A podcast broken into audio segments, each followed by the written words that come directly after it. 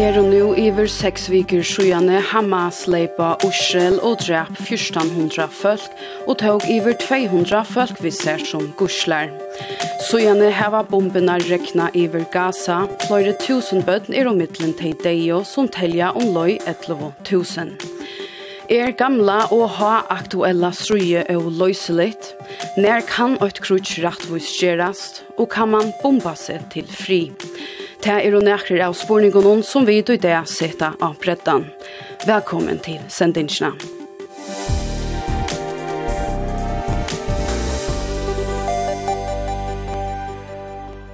När om sex veckor är det farnar så jan Hamas sendi hundratals raketter ur Gaza-gøyranon inn iver Israel og tog fløyre guslar. Israel sværa i herlige aktor og hever sojane framt mot lopp av Gaza-gøyran. Vid eru i krutje og vi er færre at vinna, så lei skriver israelske forsadesrøheren Benjamin Netanyahu av milen og X fire løte søgjane. Og allåpet tja Hamas kosta i 1400 mannaløyv og 229 israelske kursler var og borteflotter. Sivilfolk, kvinner og bøtt omframt herrfolk. Israelske forsettisraherren avværa i samme det som avlåpet var framt, om at fortjendaner for å rinda en høyene prøys, og at gøymestøyene til Hamas skulle jaunast ved hjørnet. Benjamin Netanyahu kunna i øysni om at Israel for å stekka vøytingun av streime, brennievne og øron til Gaza-gøyran. Badna rattenta ståneren til ST, UNICEF, melder til at gjøre en humanitæran geira inn og ut ur Gaza etter at Israel har stångt for vøytingun av mæte, vattne, brennievne og streime. UNICEF avvarar om at humanitæra støvan vestnar har kjøtt og kruksherje i Øtsjnån, og heldur at nøyhjelpar folk skulle hava trygt affæra inn og ut ur Gaza-geiranon til dess at veita bøtnen og familjon nøyhjelp.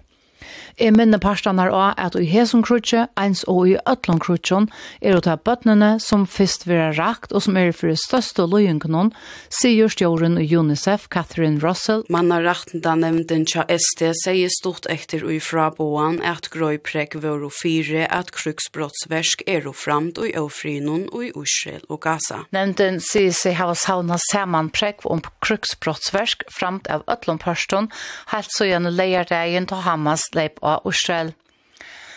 Frakræingar om at våpna bølgar ur Gaza hava skått og flere hundra og våpna sivilfolk er og anstidtjeligere og kunne ikke godtakast.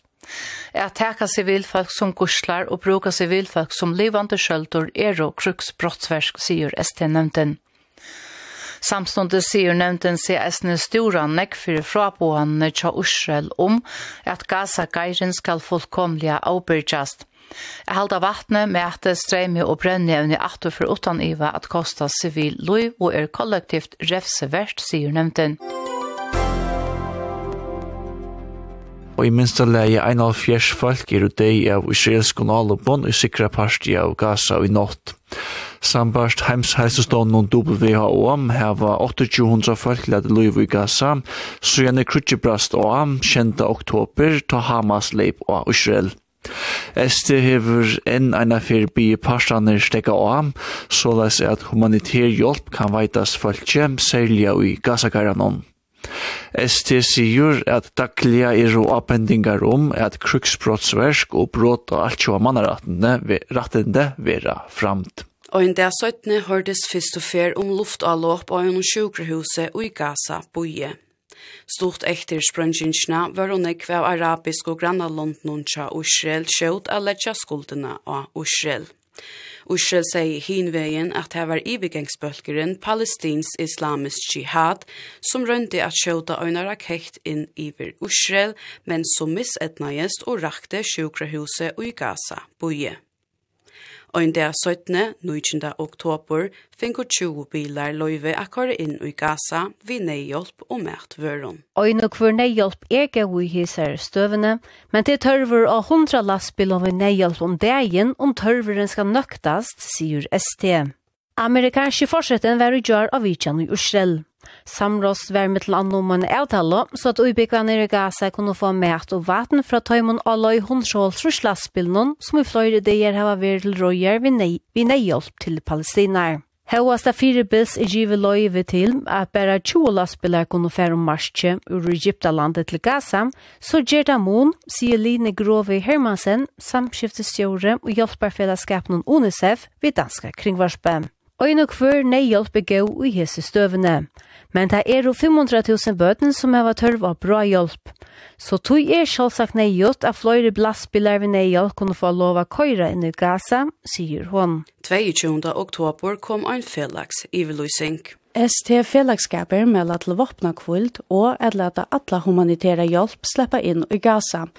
Taboa UNDP, UNFPA, UNICEF, WFP og WHO fra. Men det er en ekter boa i Israelske vergemalare herren fra at krutje mittlen Ushel og Hamas just var byrja. 22. oktober kom en ein avhøydan fra ST.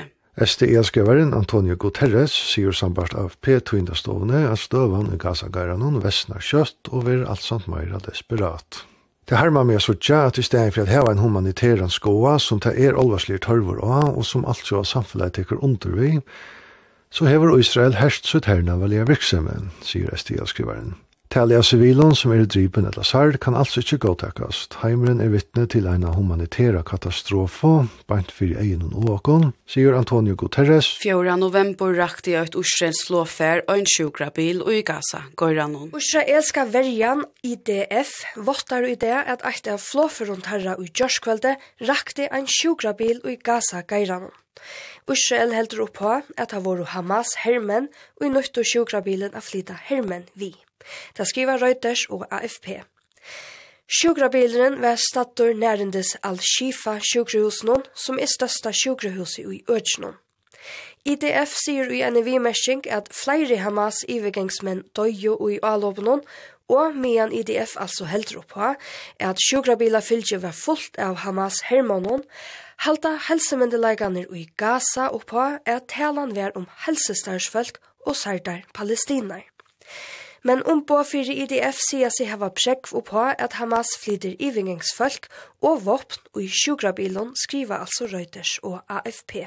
Sakta november kom enn ein avhøytan om våpna kvult. Ta er og leirar i Øtland heimon Storo ST Stånonon, som i jar sendt og felaks på, her tar arkast om tale av sivilfaltje som har lett loiv i Gaza, og mela til at våpna kvult alt fyrir eit vil sette versk og i bardianon mellom Israel og palestinska Hamas. Mittlen tar og atjan ST-leierne er og leierne for UNICEF, med at forstånden til ST og hemshelsestånden WHO. Ui ute vi ein mana hever heimeren sæstøvnu i Israel og hersett og palestinsko økjennom, og alt til loiv som er hos Sintra Sujani Hamas 10. oktober leipa Israel skriva ST leierarna.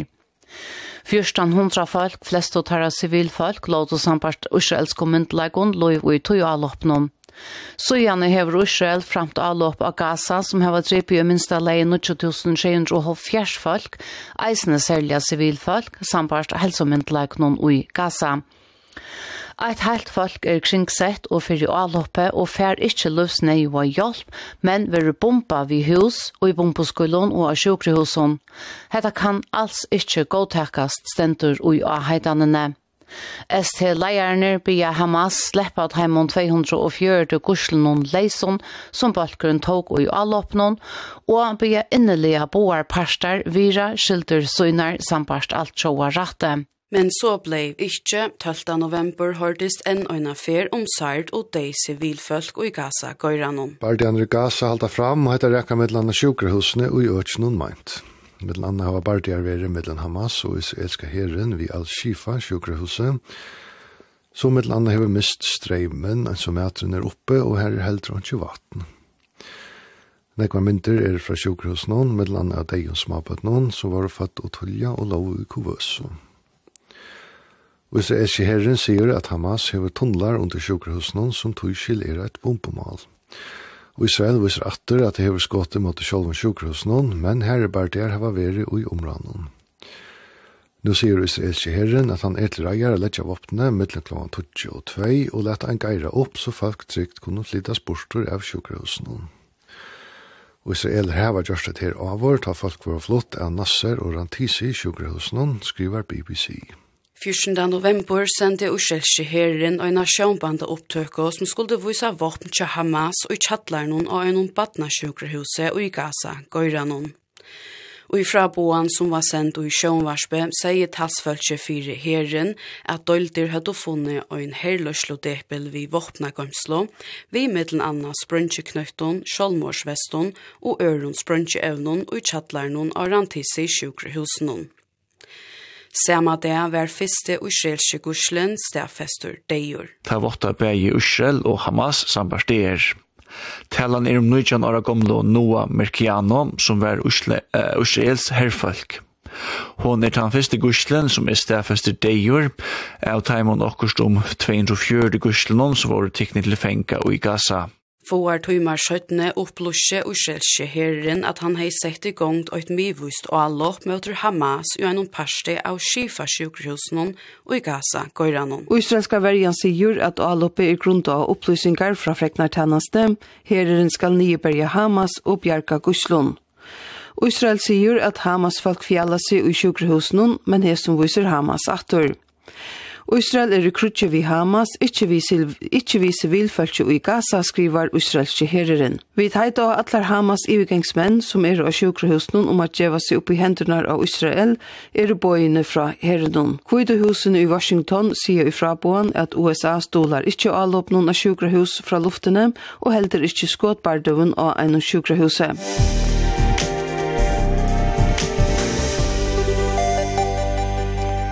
Og fyrir løttu så igjen tåsa vid vi Allan Sørensen som er tøynda med over tjøksislitt dagplag i Israel. Altså krigen fortsætter, de Israel øh, bomber stadigvæk Gaza øh, og trænger længere ind i, i øh, Gaza by. Øh, og vi ved, at det drama, der har udspillet sig de seneste dage på øh, Al-Shifa hospitalet, Gazas største hospital, det fortsætter også. De israelske soldater er stadigvæk på, øh, på selve hospitalet, og de graver i jorden øh, på øh, uden for hospitalet på hele den compound, altså den store øh, det store areal der er omkring hospitalet for at finde eventuelle øh, tunnelsystemer som Israel mener Hamas har under øh, hospitalet. Og indtil videre så har Israel øh, fremlagt billeder øh, eller offentliggjort billeder af et øh, større tunnelsystem som man har fundet tæt på hospitalet. Men koster det mange civile liv, at man gør det på den her måde? Ja, det gør naturligvis, og det er det, der er en stor tragedie på den palæstinensiske side selvfølgelig, at øh, dødstallene, vi kender ikke det nøjagtige dødstal, fordi det er Hamas, der, øh, der publicerer og offentliggør, hvor mange der er døde, og det tror jeg ikke, der er nogen, der tør stole på, men altså om det er 8.000, eller det er 12.000, eller det er 15.000, alle tallene er uhyggeligt store og, og uhyggeligt høje, øh, og og krigen har allerede taget eller krævet en en meget meget høj pris blandt den øh, civile palæstinensiske befolkning i Gaza. Og der har man så manglet både vand og el og medicin. Er det det samme? Altså har man stadig mangel på det?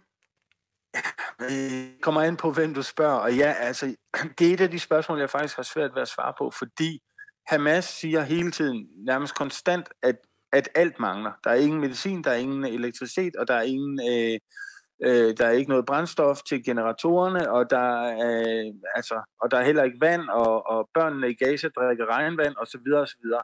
Samtidig så ser vi billeder af nogle af hospitalerne, som bliver lagt ud, hvor der er elektricitet på hospitalerne.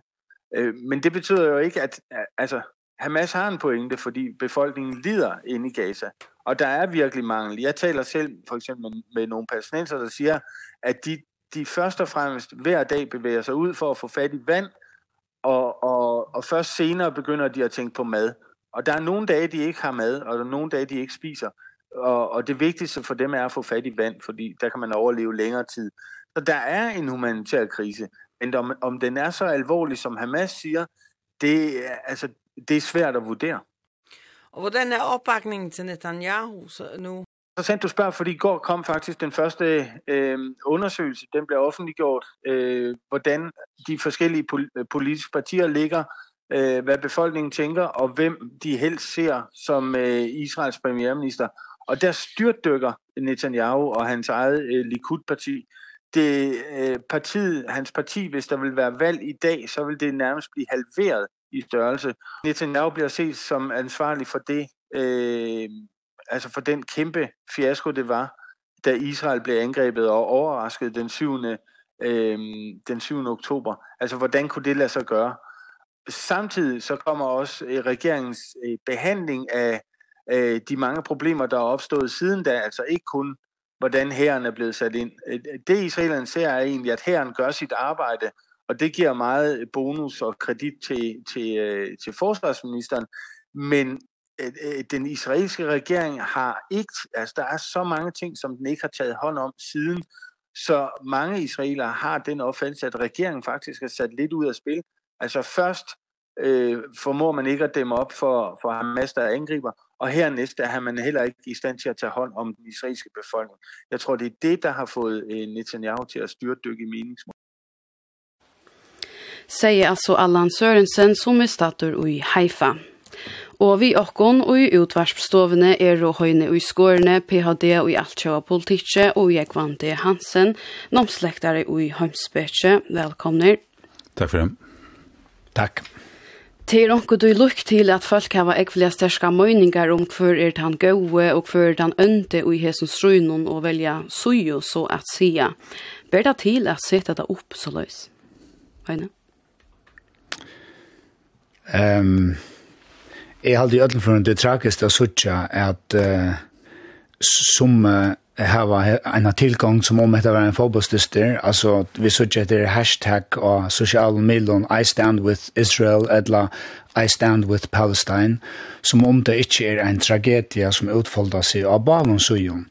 Og det er inntrykje at det virka som om det trobult tja folkon at hava tvær sannleikar i høttenum og i sen. Den ene sannleikken er at uh, at Hamas er en ivergangsfellesskaper som hever uh, dedikera seg til at strujast mot staten og Israel, og som ikke virkjenner staten og Israel, som er en øyelig antisemittisk uh, fellesskaper som, uh, som drømmer om at utsletta staten og Israel, og som venter våpnene mot sivilon handan veien til han 20. oktober. Og Eh och det är en tragedi för det judiska folket, den största största allop mot civilen så en holocaust faktiskt och och man har ett ett folks och chock och trauma. Eh inte minst vid han guslen som en sida eh i Gaza. Och hinvägen tan ofärdliga tragedian och i Gaza eisne att det kräver så nekv sivil menneskers liv, ikke minst bøtt, og, og kvinner og menn som ikke har vi, vi konfliktene gjøre. Og man spyr seg selv om hvordan jeg skulle lete liv 20.000, 20.000, 30.000, 50.000, 100.000 åren Israel sier at nå har vi nått malen noen som er at utslette Hamas. Og ut fra, ikke bare at vi først skal tjære noen, men internasjonalt, um, kan det være eh er det här bara samläggande ofta är det ringt til folk at formulera teipa i tingen samstundes och de som prøver det de vil akkurat er ba om pörstån for jeg svitja anten Israel eller ta palestinska folk hvis man er nyanserer så, så har man omkring svitje särkina. Vi tar var se eh, ræveløygar fra bavon pørstånd og i hesson krynon, og det synes som at hver pørstånd røyner at rettforskjere ekno gjerer. Men ber det til at rettforskjere det som henter i Israel og det som nå henter i Gaza, gøyra noen, Jekvann? Ja, det kommer an på hva det mener vi er rettforskjere. Um, det kommer til en av ganske noen tankar om etikk, og om hva hvordan vi kunne bedre kunne ætme det kunne. Og um, det her det her det syndelige strøye som er er så godsert fordrapere til det israelske falske og det palestinenske falske og det er ikke bare blå verre verre og jeg kan bare altså kan jeg bare samtidig ha en som man sier her og at her vi at det er kanskje er å eh, flere samlager samståndes. Og det man kanskje har trobult i rommet og det skiljer man på en måte. Men hatt er nok det fyrbygd som man kallar for kognitiver eh ehm ehm dissonanser, kognitive dissonanser. Men, då det är sagt, ehm så spørs det om uh, man kan forsvære det på några mata. Og uh, det är man ikke har fyllt ut oppsøk om tøyene Det hette ikke det første krutje som er verre, og det er heller helst det sørste. Og ta kommer at inn av dette her firebygde som heter rattvust krutj, du snakker om rattvustgjera krutj, lotvist det ene og det andre. Og um, hvis man fyrir sindra atter i søvna, så uh, tar seg det gamle om bellum justum, og det er ikke rattvist krutsk. Her man har seg noen tankar om hva du kan rattvist gjøre færre krutsk, hva kan rattvist gjøre ui krutsk, og så er nødgjert høy, hvordan skal det så være atna krutsk. Og um, et her er um, kanskje først og fremst hoksa, ta de tvær herrar som stand i for gørnøren, og så bresta saman, og så gongt og sånne gongt. Um, det som vi tar vi gjør her, det er mer asymmetrisk støva. Jeg har en stat ved den her, og så har man en, en terrorfellesskap som, som virker for en eller enda mal som tar å definere. Men eh, som jeg halter til, at jeg blir nesten ikke til att ta som etikk og krutje til at krutsk er så real, krutsk er real, ja? at, at det blir ikke til at ta som etikk. Og hva så? Um, hvordan skal man forholde seg til det? Og her er faktisk tror ikke muligere. Den ene tid han passer fyrst som sier til han, tog hans ångande rett for seg krutsk, og så aller minst krutsk mot sivilfeltet, som du sørst, sørst her som fører ned, av barns og jønn. Um, den neste muligere, altså at han har passer fyrst til til at det er krutsk, så er alle normativiteter borster. Til så skjer det blir til at ta som om etiske metingar og sånne. Og så er det tre møller, og til det som er vær inja, til det som er vi tas om, om bellum just om rattus krutsk. Og her er det lukket som uh, ganske uh, nokre momenter ui tui. Jeg vet ikke om kan komme til henne utla skulle bo som du tøy. Du kan snakke om henne. Ja. Altså det første det er at her har vi et gjøre vi en støv som er alt annet enn ideell. Alltså tar vi tas av vanlig om etik så, så är det ju i friartog och vi det handliga för kunörn och så tar tas av de etiska principer sådana kan. Her er det en helt annan støva, her i her i vanlige normer, kanskje er det mer eller mindre sett ut av spelen. Men det er mest ikke det at det ikke er normativiteter på en eller annen måte på spel. Vi fyller ikke så fatt annet. Det er det første du. Og uh, det neste, det er det at um, høyast at er en um, hva skal man si, en ovanlig støva, her vanlig normativitet og ikke galdande, så ber det lykkevel til at uh, gjør galdande at uh, her er nøkker uh, prinsipper. Og de hever man så oppgjøkken søvna rønt å formulera. Hvis jeg skal nevne et navn som, som kanskje er nok så kjent i hans sambandet, så er det en som heter Hugo Grotius, en uh, hollandsk rasslarder, som uh, var kanskje en, en kjent at det som formulerer hese her tankene om at det er regler i krutje på en eller annen måte. Og um, så er det så er det det tredje, det er det som som som jeg var inne i byrjan, inne i byrjan, det er det at man kan kanskje døyla det på trøysti, altså kvært kan rattvurs gjøre til krutje, og ta er det kanskje særlig av det hos om tve landstander i fyrknøren, og som sier, henda støvan er asymmetrisk. Her er ikke tvei land som stand i økonoren. Her er staten og Israel, så den her som stender i fyrir Hamas og tog som eh, tog inn her. Ehm og tog vi hetta her kanskje sindur tro på at bruka det prinsipp her. Men det kallar man for jus ad bellum. Det er mest simpelt det det som kan rattvist gjøre affære krug. Og ta er det som oftast det at du er avlåpen, eller at du er for øyndløren avgenge, som gjør at det ikke kommer åttanom. Så er det det neste, og det er kanskje det som er mest aktuelt i akkurat før, det er just in bello. Og det er mesjer at um, hvordan hver normativiteter, eller hver er moralskar uh, hoksaner, skulle vi um, hava, eller hvordan skulle vi forhalte oss til, til uh, uh, de tingene som hender krutje.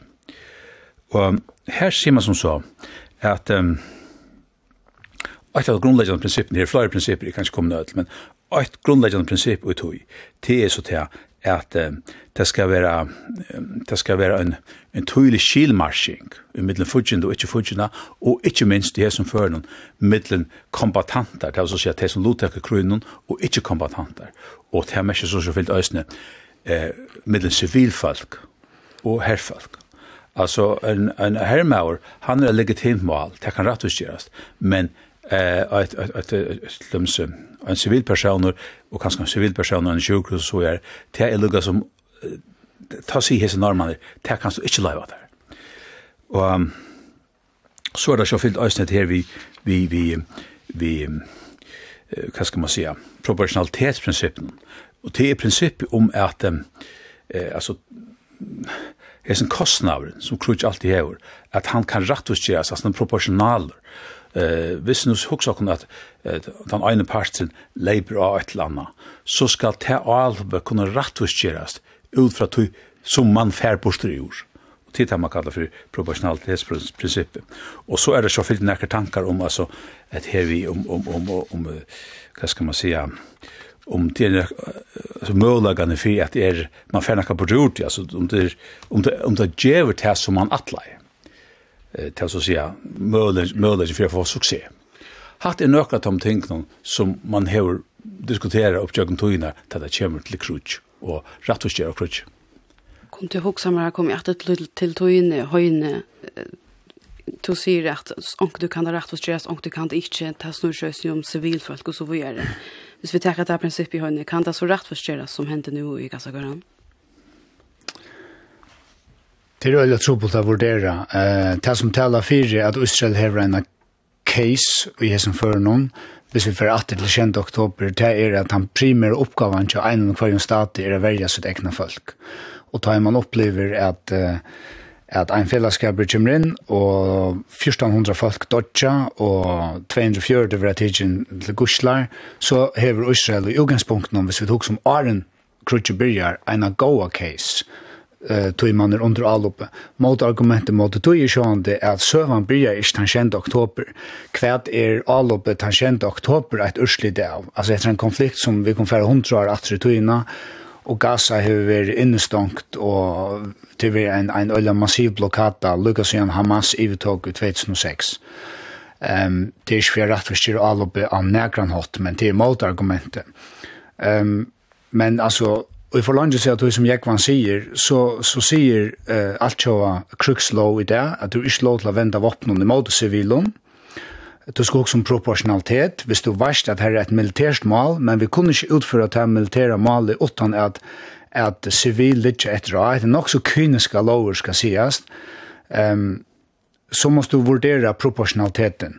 Er det legitimt at, at, at, at uh, bomba huset til ein og Hamas leier av hvis du varst at her er halvfjers ånden folk og i samme og i bor bygning. Fynt så du driper tann mannen som vi ikke at drepa, men halvfjers ånden sivil dodja. Eh, ta kyniska rocknstycke teller vi ta i en rattarsäg om kruksbrottsversk ena för skal förast och i hak kanska. Og så er det at det er vi kollektiva refsing, Israel hever blokkera for nesinjar vørun, altså alltså vattnet och strömme och mäte och helvai och så rätt det är isen vi vi allt så lång argumentet till Israel är att uh, Hamas brukar det är isen brukar det så värnar att efter en pastor av krigsförsle och emot en legitim och militär mal ja.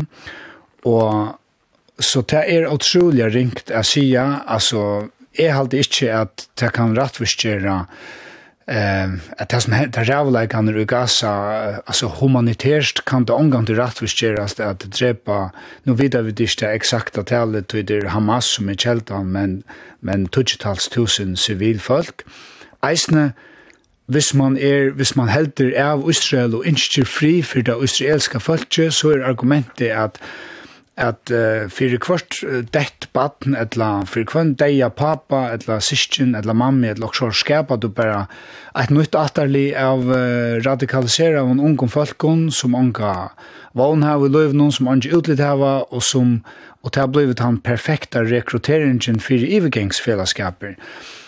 Og, og det er det som um, Jeg halde eisen er en samleidje at det finnes ungen militær løsjen, det finnes bare politiske løsjener, de fleste krutsjene, de vil ikke avgjøre av vivøtlenen, de vil avgjøre rundt om et forhandlingsbord. Sjående slæge av vivøtlenen er avgjørende fire styrkestøvene rundt om et forhandlingsbord, men, men uh, frier kommer ikke... Um, eh, omveis krutsk, det er omveis forhandling, og det krever en permanenta løsn av Palestina-konfliktene som er, vi kom for 100 år atter, vi kom faktisk for 2000 år atter, hvis man vil. Korsene er den jeg som her var stola ursel og i hesen her, og kunne huske meg vent etter til nekka som to sier høyne søgnast to varst i brettene. Det som, uh, tar neste togjen for å snikva seg om, hvis man lurer etter uh, israelske stjøtnene og eisen i heimsamfellene, så er det at at uh, tøyna eller fjerna Hamas til det det snur seg om nå. Altså alt snakk om friar, uh, en friar prosess og tveistatsløsjen og friar samrøyngar til irrelevant at hos om. Bare nå, det snur seg om uh, at et strøy mot Hamas, Og ta, uh, vurste du så at Ursel hever stol fra heimsamfellan, og heldig du framvist det? Nei, det er, det er nok så klassiskt um, at sympatien var øyla stor i fri Israel, ta vi avloppe, atan og avloppe, ikke minst tog at Hamas selv har dokumenteret så vel vi uh, body cams og, og altså man, man har haft en interesse i at dokumentera hva man hever gjørst da, at, at flere av hessen ivgangsmannen hadde kamera og sønnen kjolmån og av kroppen og sånt da. Og det har skapt en øyelig sympati, men at Sverige har vært så, så ekvislitt at uh, sympatien eisne koppar, uh, og man sitter sporene til vi hva er et proporsjonelt attersvær. Kan man utrota Hamas, og utan eisen jeg tøyna til, altså til at neiers følts i Gaza. Og alle åpne av flere sjukerhus i Gaza går og hever først visser en ekvann kritikk. Er det just det som Hamas vil? Eh, til nek som bender av at Hamas eh, tilvita for krutsk og i sivilen øtjon og brukar skolar og sjukerhus og uiboer bygningar og så videre eh, at føra krutsk mot Israel og, og ett eller annet sted vil det alt annet være selvmord. Jeg visste først ut av, ut av eh obygt plus altså ut av, ut av marsjene her andre hus er så er man en kjøteskiva at ja, Israel hever en så fætlen en sterkere her, eh eisen i luftene. Og, og så Hamas uh, fører krutsk fra bygden, og øtje, og ikke minst undergjør.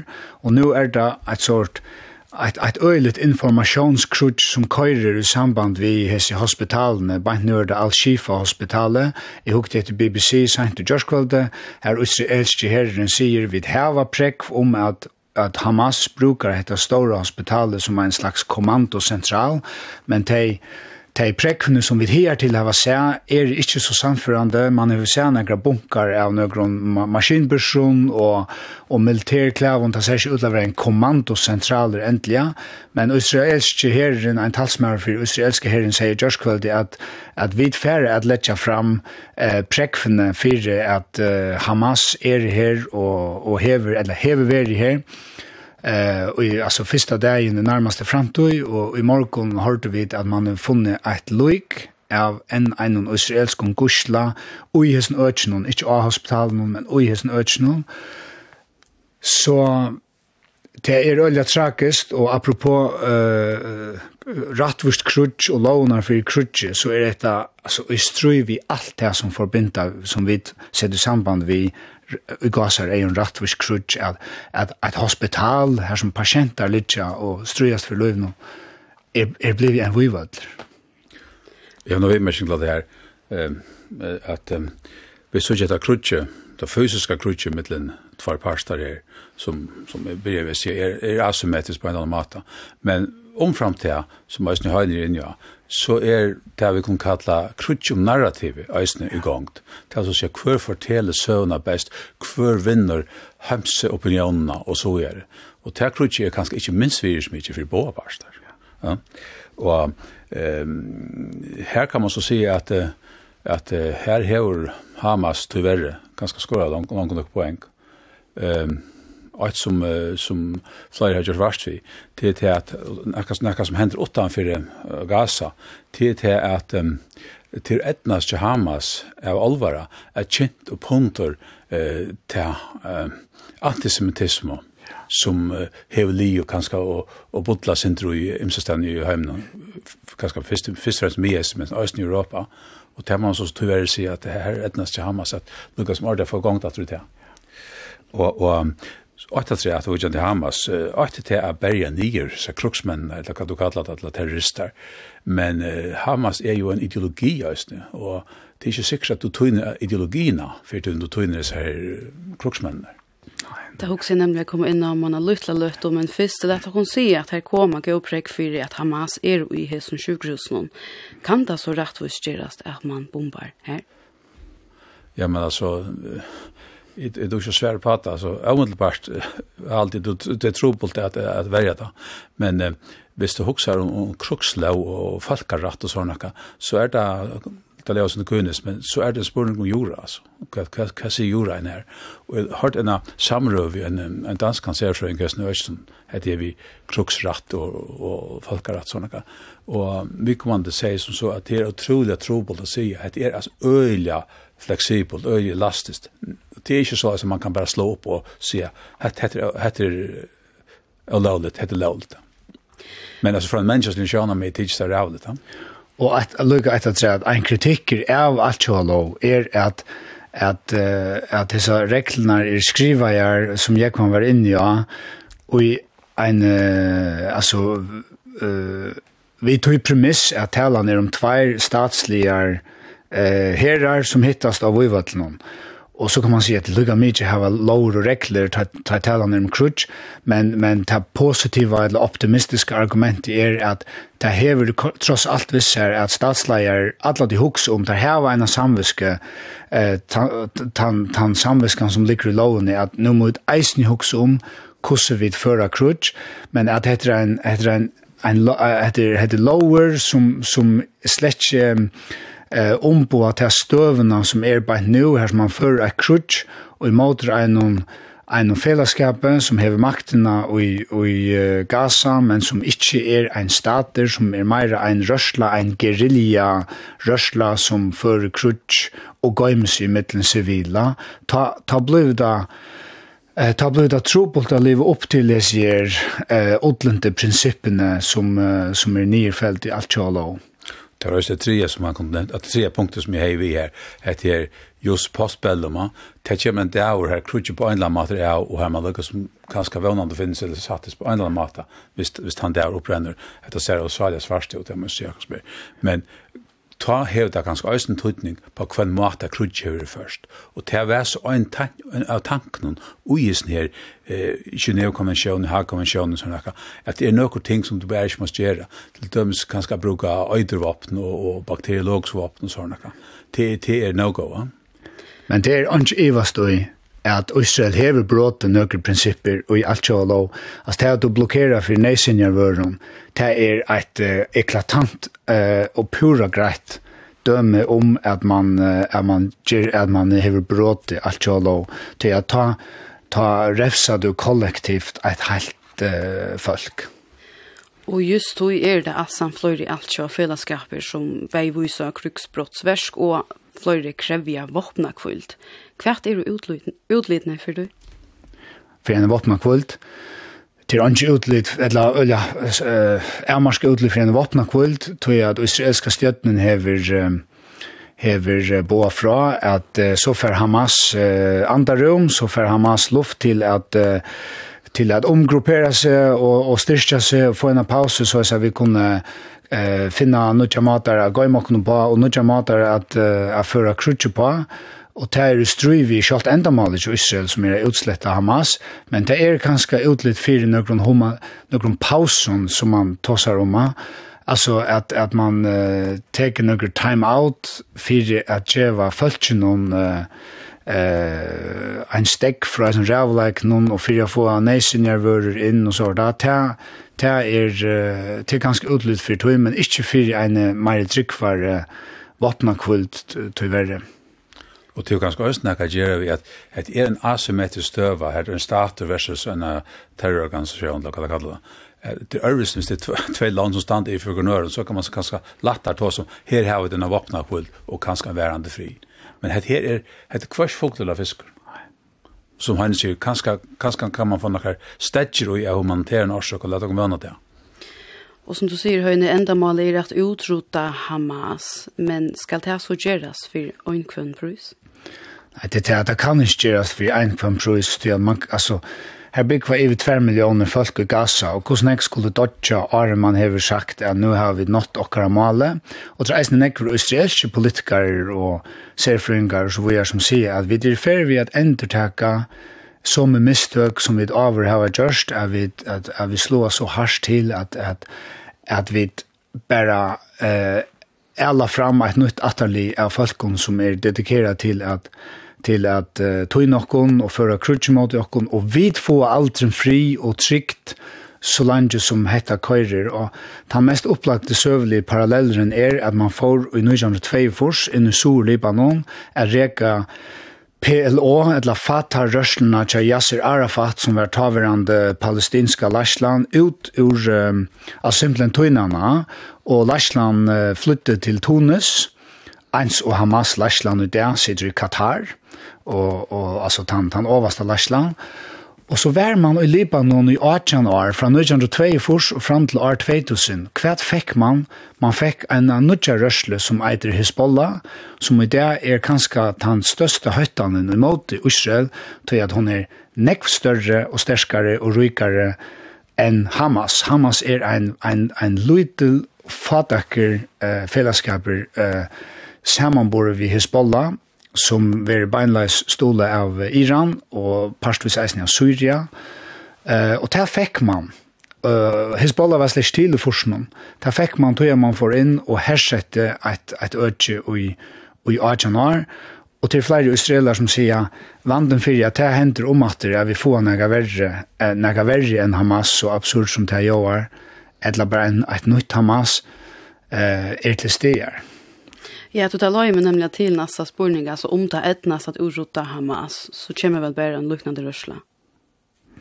Det er i ætlen før om vansen, og det er ætten eisen inni i Israel, at det som vi gjør nå, det leverer ikke til tanfrien og til tryktene som vi ætlen landes etter.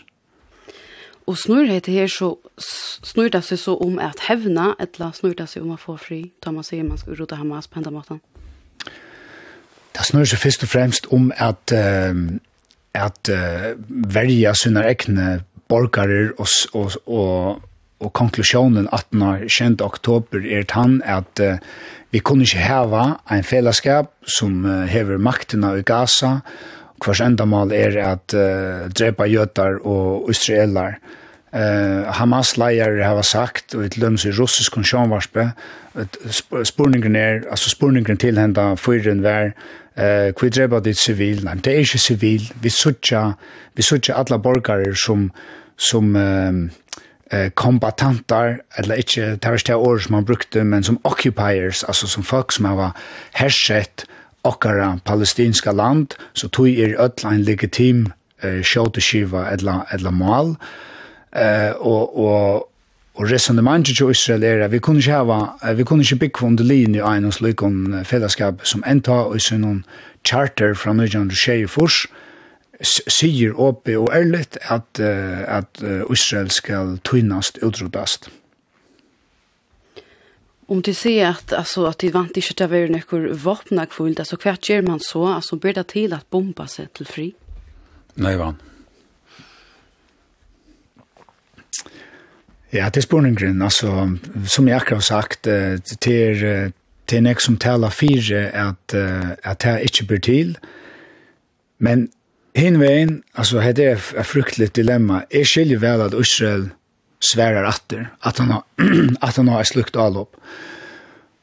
Og spurningen er så, hva er den proporsjonelle responsen? Jeg har ikke noe svære på det. Og ta løy med til søgnasta spurningen er henta gamla og ha-aktuella mm. konflikten og løslig. Det er ganske til å ha en som sikker til.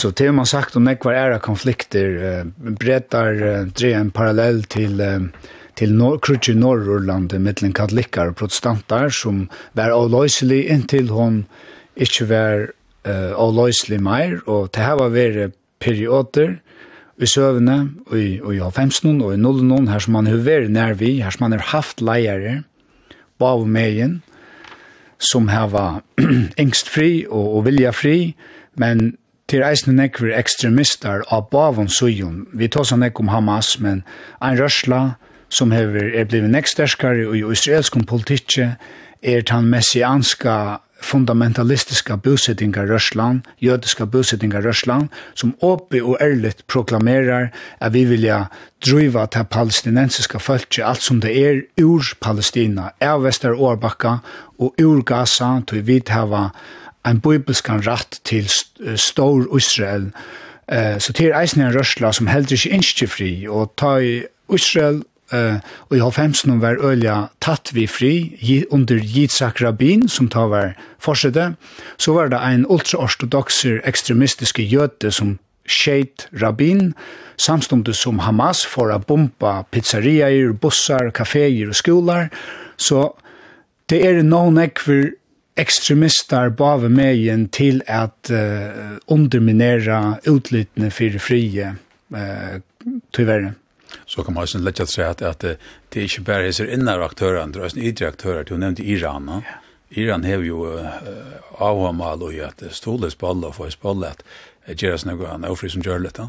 Ja, vad ska man säga örnorsök Det är som bara ganska makt valstrui och i mi som är på spel här. Ja Men anker du er det en kreppa som skal til for å få nødja leier at ressast ur øskene og hoksa av nødjon og hoksa åttanfire boksene eller hoksa ørvis enn man her til det gjørst. Ja, du vil om at det er for hendene nå? Etter hvordan kom jeg etter av dagskra uh, uh, alt jo var politisk og, og ånden tog seg om, om disse konfliktene av den 20. oktober til eisen til han den grusomme verleggen at man helt er nå funnet dette kørbæra. Ånden var det av at at i 2023 er omgått det snakke palestinensere dryppner skottner av Vestar og Årbakka, og i 2023 ta, ta, ta rakna man finner man det av nu til at harskaperen er, er vaksen som er i middelen og i middelen israeler og palestinenser eller jøtar og arabiska muslimer av Vestar og Årbakka Så vånen kan være at man sier, hva skal hvis Israel, nærkant ut skal få ta, ta frien og ta tryktene som det jødiske folket eh, innskjer og hever oppebåret, og hvis palestina skulle få sin stat og bare grunnleggjande rattender, eh, så må vi bruke seg kreppene, disse rævlige kreppene, til at eh, til å få en værende frivillig. Det er bare så rævlig nekver eh, faktorer som vilja motarbeida Einar Larsen. Takk fyrir at dit kom og i utvarsbestovna høyne i skårene og jeg vant det Hansen. Sjål takk.